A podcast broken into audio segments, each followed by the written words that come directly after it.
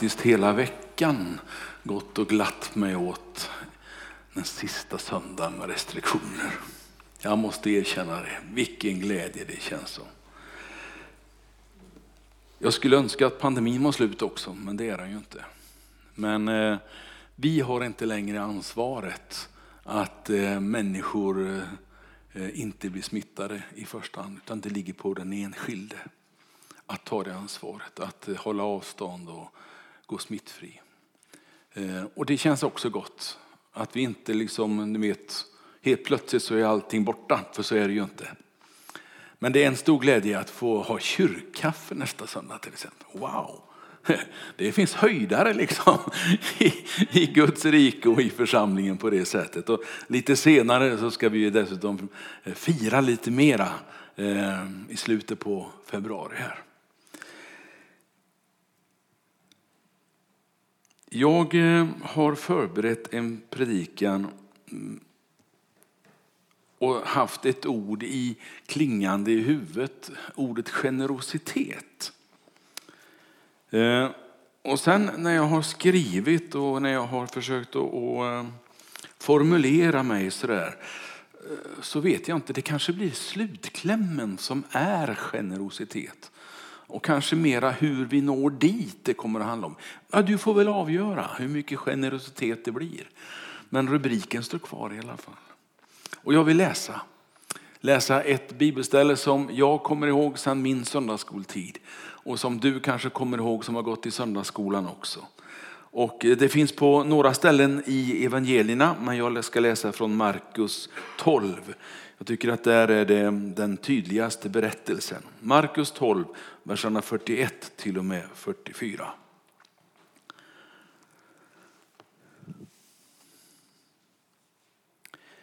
Jesus satte sig mitt emot offerkistan och såg hur folket la pengar i den. Många rika gav mycket. Där kom också en fattig änka och la i två små kopparmynt, ett par ören. Då kallade han till sig sina lärjungar och sa till dem, jag säger er sanningen. Den här fattiga änkan gav mer än alla de andra som la något i offerkistan. Alla andra gav av sitt överflöd, men hon gav i sin fattigdom allt som hon har att leva på. Amen. Du ska veta, och jag hoppas att du kommer att förstå det, att det inte är min tanke att ge några pikar åt någon. Det är inte min tanke att eh, slå ner någon, utan istället om man kunde lyfta alla. Men eh, det orkar jag ju inte, det förstår ni. Jag får glad om jag orkar hålla mig själv uppe liksom och lyfta ett barnbarn då och då. Men, men eh, jag önskar att min förkunnelse om möjligt skulle kunna få lyfta alla till ett, till ett värde som liknar det Gud sätter på oss och inte som vi ibland sätter på varandra. Men låt mig börja lite grann i bibeltextens fantastiska innehåll på bara några versar. Två stycken kopparmynt och så står det ett par ören. Det tror inte jag finns med i grundtexten utan det är ett sätt att försöka förklara vad ett kopparmynt är. För det är faktiskt värt lite mer än ett par ören. Vi har ju inga ettöringar längre, men när jag växte upp så hade man ju någon liten, liten eh, koppar ettöring och tvåöring och femöring. Ehm, och kunde gå och handla godis för det. Då kostade ett riff tror jag fem öre, ehm, eller om det var tio öre kanske. Men det är ju så länge sedan nu så att det är egentligen ganska ointressant. Men det som är viktigt här är att det här är det minst värdefulla myntet som finns på den här tiden. Det är den här kopparslanten. Eller en skärv som det står i 1917 års översättning. Och vad är då det här värt idag? Det kan ändå vara intressant att fundera på lite grann. Ja, det finns ett annat mynt som man brukar säga det är en dagslöns eh, arvode. Jobbar man en hel dag så får man och fick man en denar. Det kanske ni har, eh, kommer ihåg från bibeltexterna ni har läst. Det var en, en eh, dagslön. Och eh, kopparmyntet, stod det i eh, en uppslagsbok jag har hemma, 128, en, ska vi säga, en 128 del. Så det är ganska lite. Och då var det någon som hade räknat ut att ungefär 10 minuters, Tio minuters arbete för en löntagare. Det är inte mycket. Det är inte mycket. Det är redan gjort. Inledningen är klar. En kopp, ett kopparmynt har gått. Och Det är egentligen bara för att sätta det i sitt sammanhang så att du ska förstå att den här kvinnan som gav allt hade inte så mycket. Inte när du och jag räknar, inte när skattmasen räknar, inte när omvärlden räknar så hade hon inte så mycket. Men Jesu kommentar är så häftig. Vi kommer till den. Det stod också att man kastade gåvorna i offerkistan. Ja, låt mig först bara säga offerkistan, det var en låda som eh, man la pengarna i. Eh, det har ingenting annat med kistor att göra. Sådär. Eh, men man kastar i dem, det där har jag funderat på lite grann. I någon översättning står det la i dem, men faktum är att det var en stor tratt som var ingången till den här eh, offerkistan som man kunde kasta i slantarna. Det var inga problem. Det är ungefär som man gör när man åker på autobahn och ska betala vägavgift. Har du gjort det någon Då slänger man ju också några slantar i och så rasslar det till och så kommer det ut växel eller ett papper på att man har betalt. Eller också släpps man igenom bara. De här offerkisterna, det är verkligen flera stycken, egentligen 13 stycken. Och de stod i templet där alla judar hade tillgång på kvinnornas förgård som det hette då och heter fortfarande. Och det var ju en praktisk lösning bara. Alla som ville skulle kunna ge till templet. För det var templet man gav till. Eh, Gud stod ju inte där med någon slags bankkonto och hiva in pengarna utan det förvaltades av de som hade templet. Precis som det görs idag.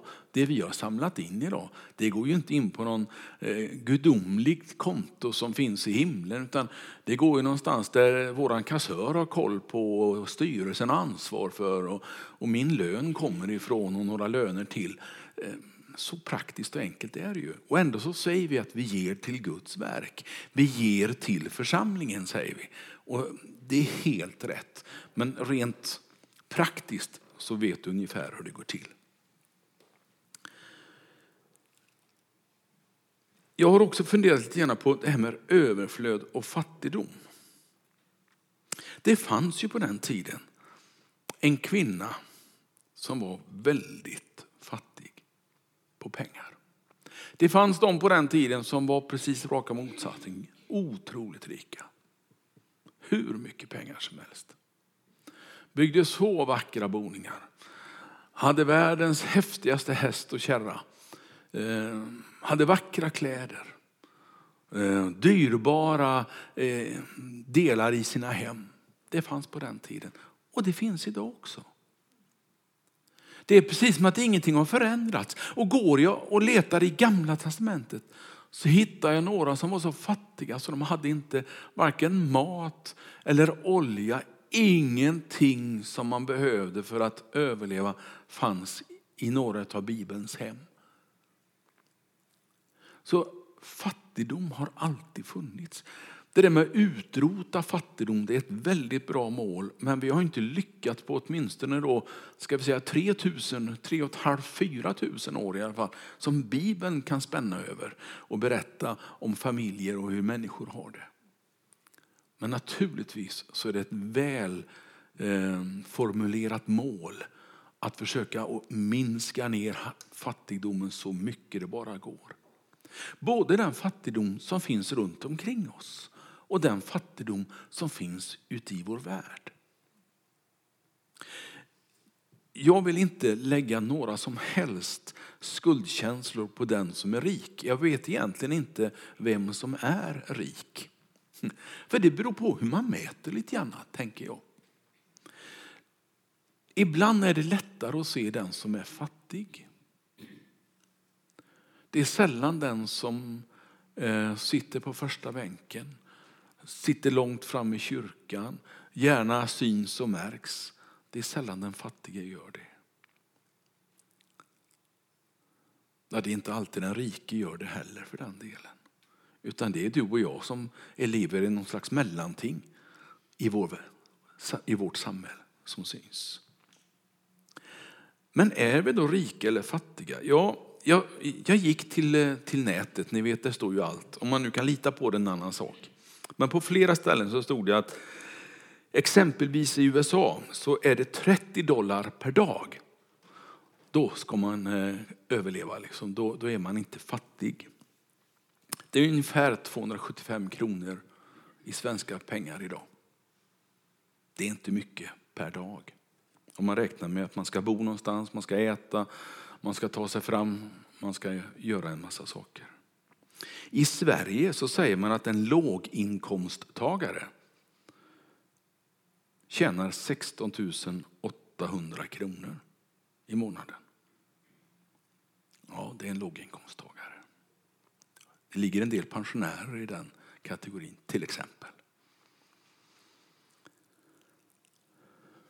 Men rikedom och fattigdom kan ju vara så mycket annat än bara kronor och ören och dollar. Eller hur? Det vore ju konstigt om jag med Bibeln som liksom stöttepelare mätte allt i pengar. Vi kan inte strunta i pengar. Vi kan inte leva utan pengar. Inte ens i Guds församling kan vi göra det. För då hade vi inte kunnat haft en kyrka och ingen anställd heller. Utan vi måste ju hantera det. Men det är inte där rikedomen ligger när jag läser min bibel. Kan man mäta rikedom på annat sätt? Ja, det menar jag att man kan. Man kan mäta det i tid. Man kan mäta det i kärlek. Man kan mäta det i vänner. Ja, du kan säkert multiplicera det här med flera tankar om vad rikedom är. Men jag tänker mig att man kan vara rik på tid. Man kan ha mycket tid till sitt förfogande. Min pappa, jag brukar berätta om honom ibland, han har varit död i tio år så det, det är nog okej okay att berätta om honom lite grann. Han jobbade på Volvo sen, sen eh, 1960-61 någonstans, då började han på Volvo. Sen jobbade han där tills han gick i pension, eh, slutet på 80-talet. Och jag frågade honom, pappa, vad, vad, eh, hur tänker du på Volvo? Du, du står där och skruvar bilar, för han stod och skruvade bakaxlar på bilar i början. Ja, sa han, det vet du väl? Att Volvo, det är bara min lön, sa han. Jag går ju bara dit och gör ett jobb och så går jag hem igen. Ja, men resten då? Ja, men det är ju kyrkan, sa han. Det är ju ni. Det är ju huset vi bor i. Det är det viktiga i mitt liv, sa han. Och då helt plötsligt så hade han en helt, då gjorde han sina åtta timmar och sen var han liksom fri att göra annat resten av tiden. Och då la han ner det i kyrkan. Han var ofta i kyrkan. Han var där och låste upp, han var där och låste. Och han fixade och han donade. Och han syntes inte på estraden. Jag tror aldrig pappa var framme vid en mikrofon överhuvudtaget i kyrkan. Jag har inga sådana minnen alls. Han gjorde inget väsen av sig. Men vet du, en dag så tror jag att någon kommer att mäta det där med rikedom på ett annat sätt än vad jag kanske gjorde när jag ställde frågan. Kanske att pappa och alla ni som finns där som inte syns och märks ofta kommer att få en helt annan placering än vad ni själva tror. Att vara rik på kärlek, det är också en rikedom. Tänk att vara fattig på kärlek. Jag tror hellre jag är fattig på pengar än fattig på kärlek. Tänk att inte ha någon som bryr sig om mig. Att inte ha någon som ger mig en kram. Ett tag så hade vi hunden, ja, det var när vi kom hit. Han dog sen efter ett par år. Men alltså se hundens glädje och kärlek när husse kom hem. Han viftade på svansen så jag trodde den skulle gå av. Och han uttryckte sin glädje på alla de sätt som han kunde göra. Eh, tänk att en hund kan ge kärlek till och med. Tänk då vad du och jag kan göra till varandra. Vi kan göra varandra rika på kärlek. Och det tror jag är ett av våra uppdrag. Att göra världen rikare på kärlek. Genom att ta hand om de som finns runt omkring oss. Genom att ta hand om de som finns långt härifrån och som lider varje dag. Jag är ledsen, vi kan inte göra det med alla. Men vi har några som vi hjälper ganska rejält. Vi har några som går till en skola i bergsbygden där i Etiopien. Till en plats som vi kallar för Kalala. Jag, skulle, jag har inte varit där så jag kan inte beskriva det mer än så. Men jag skulle vilja se barnens ögon när de får gå till sin skola och så veta det att det kommer en massa tusenlappar ifrån våran kandela, ifrån, genom våran församling till rätt plats, till barnens hjälp. Och de får både kärlek och möjlighet att gå i skola på det sättet. Jag tror också att vänner är någonting som man kan vara rik på. Det är inte alltid man tänker på det. För de är så, eh, de är så naturliga för oss på något sätt. Men låt mig få berätta en sak. Eh, det är ju, jag hoppas det är okej okay för dig att jag berättar någonting ur mitt eget liv. Jag har ju flyttat runt. Jag och min familj, vi har flyttat runt. Det började med att jag och Ingrid flyttade runt alldeles själva lite grann eh, i början där. Men sen har vi fått flytta ännu mer, på att säga, när barnen har vuxit upp också. Och jag känner att, var har jag mina vänner ibland? Ibland känner jag det så. Var ska jag flytta någonstans när jag blir pensionär? Har jag funderat på.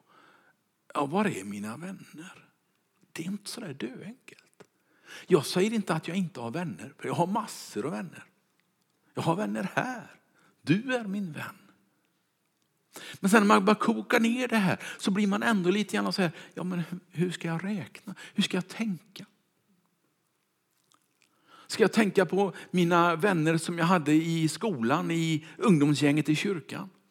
Ja, några av dem har jag fortfarande som vänner och några av dem har, har jag återknutit lite kontakt med.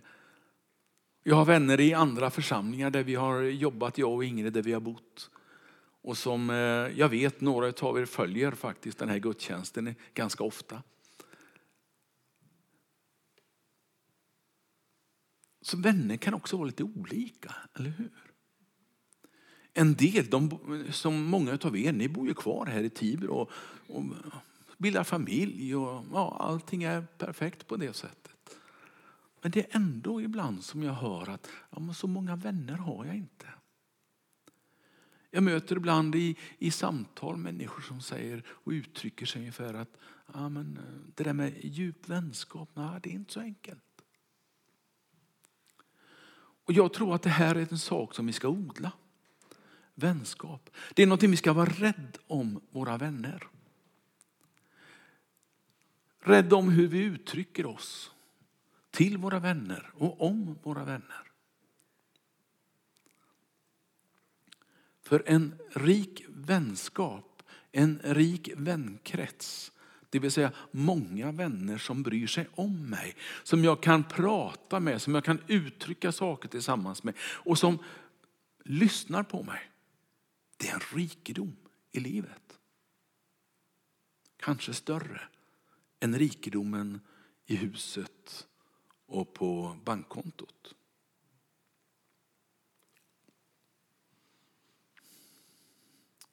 Sverige tillhör ju de rikaste länderna i världen brukar vi säga. Ja, kanske om man räknar per capita och inkomster och sånt här. Men jag är inte så säker på att vi är de rikaste på kärlek och vänner.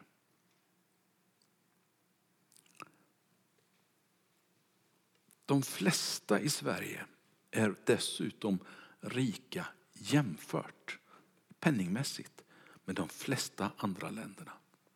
Och kommer du till en del länder i vår värld så är vi enormt rika. De allra flesta av oss. Vi har ett hus att bo i som dessutom är varmt när det är 10 minusgrader. Vi har någonting att åka i som faktiskt fungerar utan att skramla allt för galet. av de flesta i alla fall. Vi har eh, någon som vi vet vi kan gå ut och fika med. Och vi har råd att ta en fika och bjuda på en fika till och med. Så det där med överflöd och fattigdom, det kan vara lite lurigt när man börjar tänka efter riktigt ordentligt. Men jag skulle önska att den här församlingen, jag kan ju inte eh, börja predika för alla andra församlingar, det skulle bara kännas konstigt. Jag tänker på oss. Att vi skulle ha en generös inställning till både vänskap, kärlek och även på pengar. Att ge utav det vi har, för vi har. Ge ut efter det vi har. Och vill du så kan du till och med säga till Gud, Herre jag vill ge mer än vad jag kanske egentligen borde. Men far inte iväg som vi gjorde ibland på 60-70-talet. Och där en del gav så mycket så att eh, de blev fattiga. Nej, det tycker jag inte. Som ångrar sig efteråt. Nej, det tycker jag inte. Vi ska inte pressa någon. Vi ska inte trycka på någon hur mycket man ska ge och vad man ska ge. Det är en möjlighet. Det är en välsignelse att få ge. Det är en välsignelse att få dela med sig av det man har. Jag funderade lite grann på hur Jesus värderar. Och då blir det spännande. För då kommer vi in i berättelsen igen.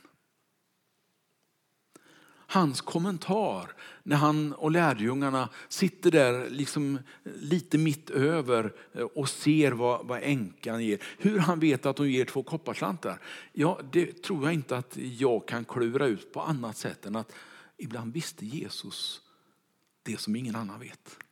Ibland så såg Jesus det som ingen annan såg. För han, han var en profet. Han var en, en, hade en gudomlighet som ingen annan har. Och då visste han saker och ting. Han visste att Sackeus satt i trädet och han ropade kom ner. Trots att ingen såg honom. Han visste att hon gav allt hon hade. Trots att hon inte hade så mycket. Och han säger i vers 44 att alla andra gav av sitt överflöd. Och det gör ingenting, det var helt okej okay för Jesus. Men hon gav i sin fattigdom allt som hon hade att leva på till och med. Hur värderas en människa då? Har du funderat på det någon gång? Värderar vi varandra utefter vad vi äger? Vad vi kan? Intelligens? Skönhet? Färg? Då tänker jag på eh, om man kommer från Afrika, om man kommer från Asien, om man kommer från Europa. Eller som amerikanerna säger, man kaukasier, säger de om de vita. Eh, och, och tänker i, i raser på det sättet. Eller är ålder någonting man eh, värderar människor utifrån? Ja, det där kan man verkligen fundera på. Och jag vill ju inte än en gång inte skriva på dig vad du ska tycka. Men visst kan man undra lite grann. Hur ska vi värdera varandra? En människokropp, jag har hört det denna gång så jag tänkte jag slog upp det där igen. En människokropp har ett kemiskt värde. Eh, det är lite spännande. Och det är ungefär översatt i svenska pengar en femtilapp. Strax under. Mer värde har det inte liksom. Eh, vi, vi, har ju mycket vatten. Ja, det är, hur mycket är vatten värt? Ja, det beror på var man är någonstans i världen kanske. Men, men eh, det finns några mineraler som vi får i oss på något sätt och som blir en del av vår kropp. Och en del av det här då ger alltså ett värde om en femtilapp. Så det kanske inte är så mycket att hurra för på det sättet. FN säger att alla människor är födda fria och lika i värde och rättigheter. Så FNs önskan är att vi alla ska ha samma värde. Tittar man då kemiskt så skulle det gå att lösa då och säga ja vi är värda en femtiolapp allihop. Och så tar vi det gånger 10 miljarder eller vad det nu kan bli. Så ser vi hur mycket jordens befolkning är värt. Men det funkar ju inte, jag inser ju det också. Och då blir det genast mycket intressantare tänker jag. Och fundera, hur värderar Gud en människa? Om jag blir lite sådär osäker, hur ska jag uttrycka när jag värderar en människa? Jag, jag kan hålla med FN, men hur, hur, ska det, hur, hur blir det liksom sådär? Hur värderar Gud en människa? Om jag då går till en av de verserna som jag kanske inte läste i söndagsskolan, men den, blev väldigt tydlig när jag kom i, i ungdomsgänget. Där hade vi mycket sådana här verser. Och högstadiet, gymnasium, då citerade vi det ofta. Och du kanske har hört den lilla bibeln som vi kallar den för. Johannes evangeliets tredje kapitel utifrån ett samtal mellan Jesus och en rik på både intelligens och pengar och kunskap men ändå fattig visade sig. Han hette Nikodemus.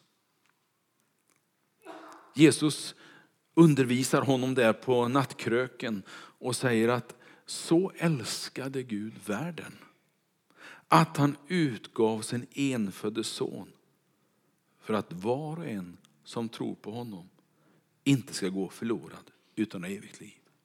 Gud värdesätter dig och mig så mycket så att han är beredd att ge det bästa han har, sin enfödde son.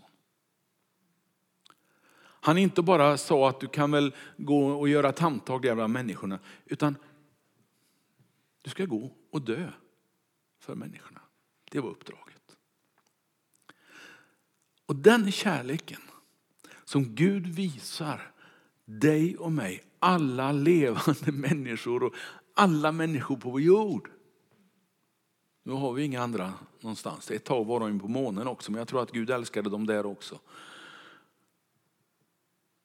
Alla människor värderar Gud lika högt. Jag vill inte säga likadant, utan jag vill säga lika högt. För vem kan värdera en annan högre än när man säger du, jag ger mitt liv för dig. När jag tänker ibland på mina barn så skulle jag kunna tänka mig att jag skulle kunna tänka en sån tanke för dem. Tack och lov har jag sluppit att ställas inför den, det valet någon gång och jag längtar inte dit. Men jag har funderat på det ibland.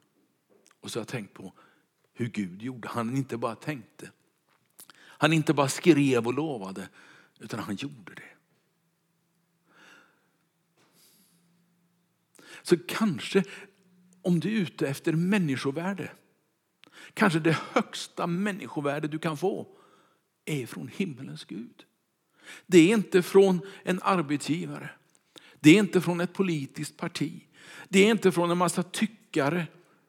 Det är inte ens ifrån dina närmaste vänner. Utan det kommer ifrån himmelens Gud. Och hur vi responderar på det är ju väldigt spännande.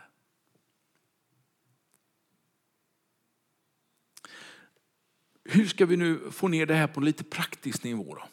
Och då tänker jag, hur ska, vi få, hur ska vi få det här in i vår kyrka, in i vår församling? Och då blir det ju, är det den som gör mest som har mest värde? Är det den som predikar mest? Är det den som predikar bäst? Kanske Maria eller Karo? Ja, eller jag? Nej, det kan ju inte hänga på det. Nej. Är det den som syns mest? Den som ler mest och, och ni vet, syns mest? Alltså, det här, jag vet det här är självklarheter, men ibland så är det så nyttigt att ändå tänka tanken.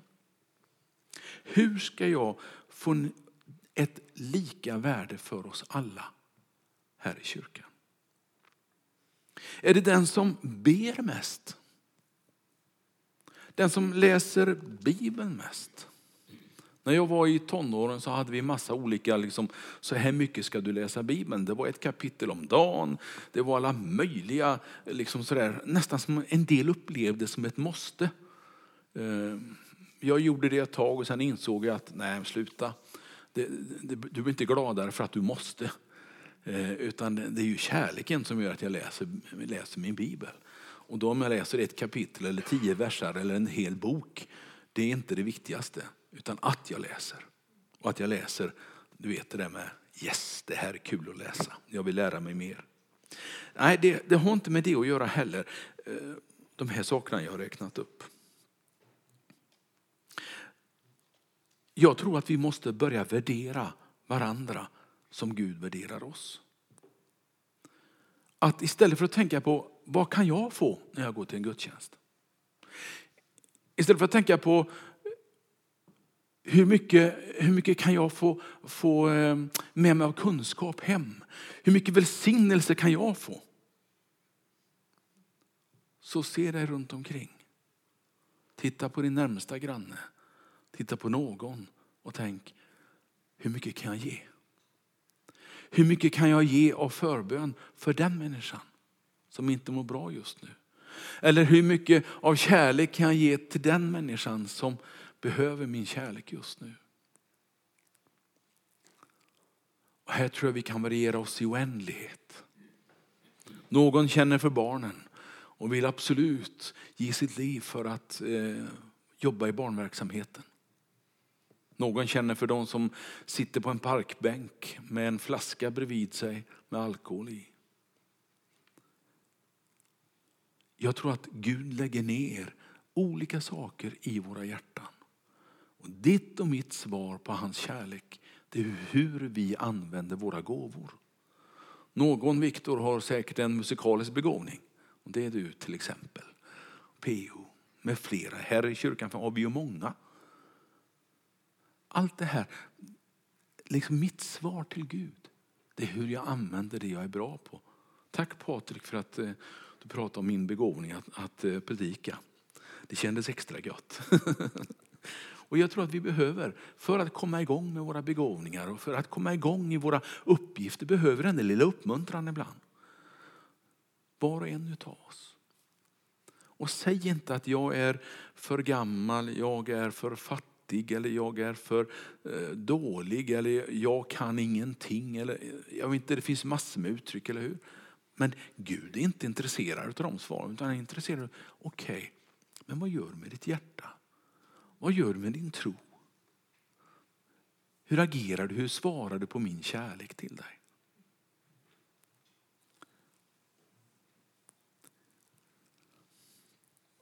Så när Jesus värderar oss så värderar han oss efter att vi är skapade till hans avbild. Till Guds avbild. Och faktum att det står på Bibelns första sidor. Det står där. Jag läste det i morse. Bara för att vara säker på att det verkligen är jag som jag inbillat mig. det står ju där. Vi är skapade till hans avbild. Och det är grundförutsättningen för hans värdering av oss. Och det skulle jag önska är grundförutsättningen för min värdering av dig och oss allihopa tillsammans. Om vi har ett lika värde och ser varandra på ett lika sätt, då kommer vi att blomstra. Då kommer människor att börja växa. För de kommer känna sig sedda, omtyckta, uppvärderade. Ja, jag vet, det var ingen hemlighet. Det var inget nytt jag kom med. På ett sätt så har du hört det här förut, har jag en känsla av. Jag skulle vilja lyfta fram generositeten. Att vara generös med det du har fått utav Gud. Att dela med dig och visa ditt människovärde och det du sätter andra människor som värda. Utifrån din gudsgemenskap, utifrån vår tro. Att låta den få synas och märkas. Att behandla varandra med respekt så långt vi bara förmår. Ibland så kraschar det, ja jag vet.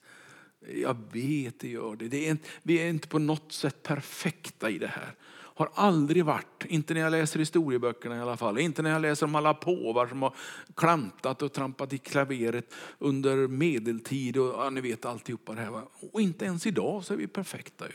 Trots att vi har hållit på i 2000 år och försöka omsätta Bibelns eh, kärleksbudskap i våra liv så är det ändå rinner det ner till hur du och jag gör idag och imorgon.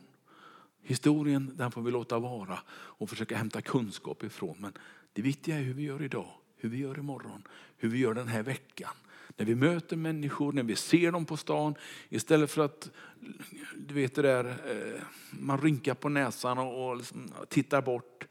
Istället titta med Guds kärlek på en medmänniska och säga, det här är en människa som Gud har skapat. Gud välsigna dig. Det är inget, jag har inget härlighetsbudskap, men jag har ett budskap om Guds generositet som